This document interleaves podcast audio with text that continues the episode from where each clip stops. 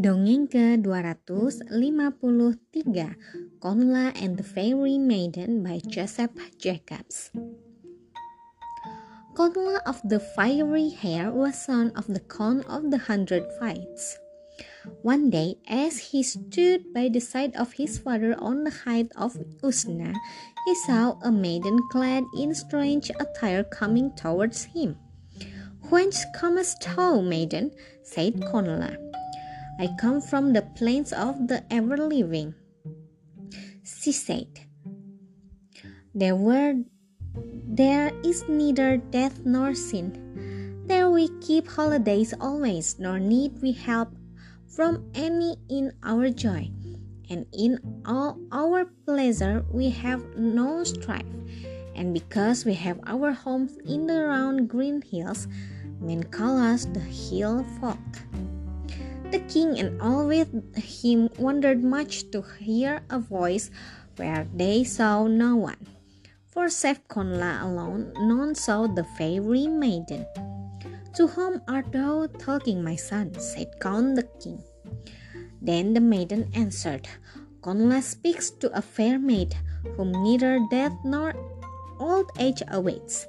I love Conla, and now I call him away to the plain of pleasure Moy Mell, where the Bodag is king, nor has there been complaint of sorrow in that land since he has held the kingship.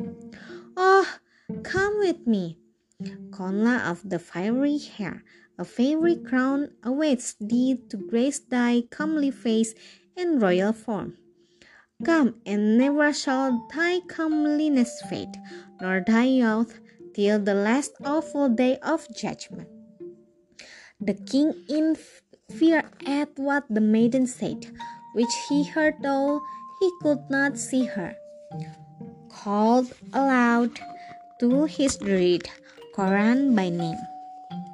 Oh, Coran of the many spells, he said, and of the cunning magic, I call upon thy aid. A task is upon me too great for all my skill and wit, greater than any laid upon me since I seized the kingship. A maiden, unseen, has met us, and by her power will take from me my dear, my comely son. If thou help not, he will be taken from thy king by woman's wiles and witchery.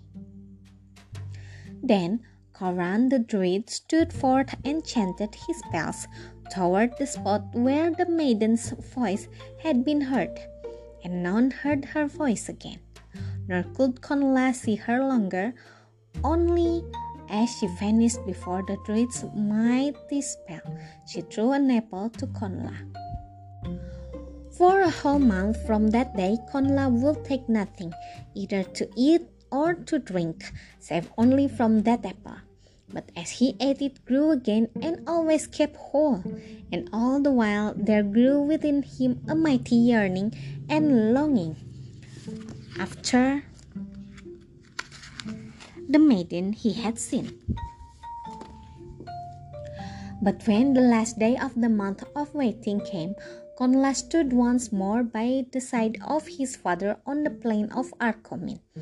And again he saw the maiden come towards him, and again she spoke to him. This is a glorious place that Conla holds among short lived mortals awaiting the days of death.